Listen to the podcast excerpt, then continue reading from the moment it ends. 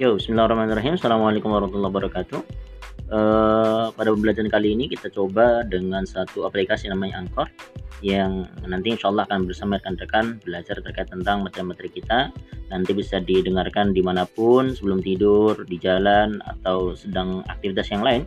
Yang tentunya insya Allah lebih manfaat dan juga uh, memudahkan dan fleksibilitas ya. Saya kira seperti itu. Baik terima kasih. Assalamualaikum warahmatullahi wabarakatuh.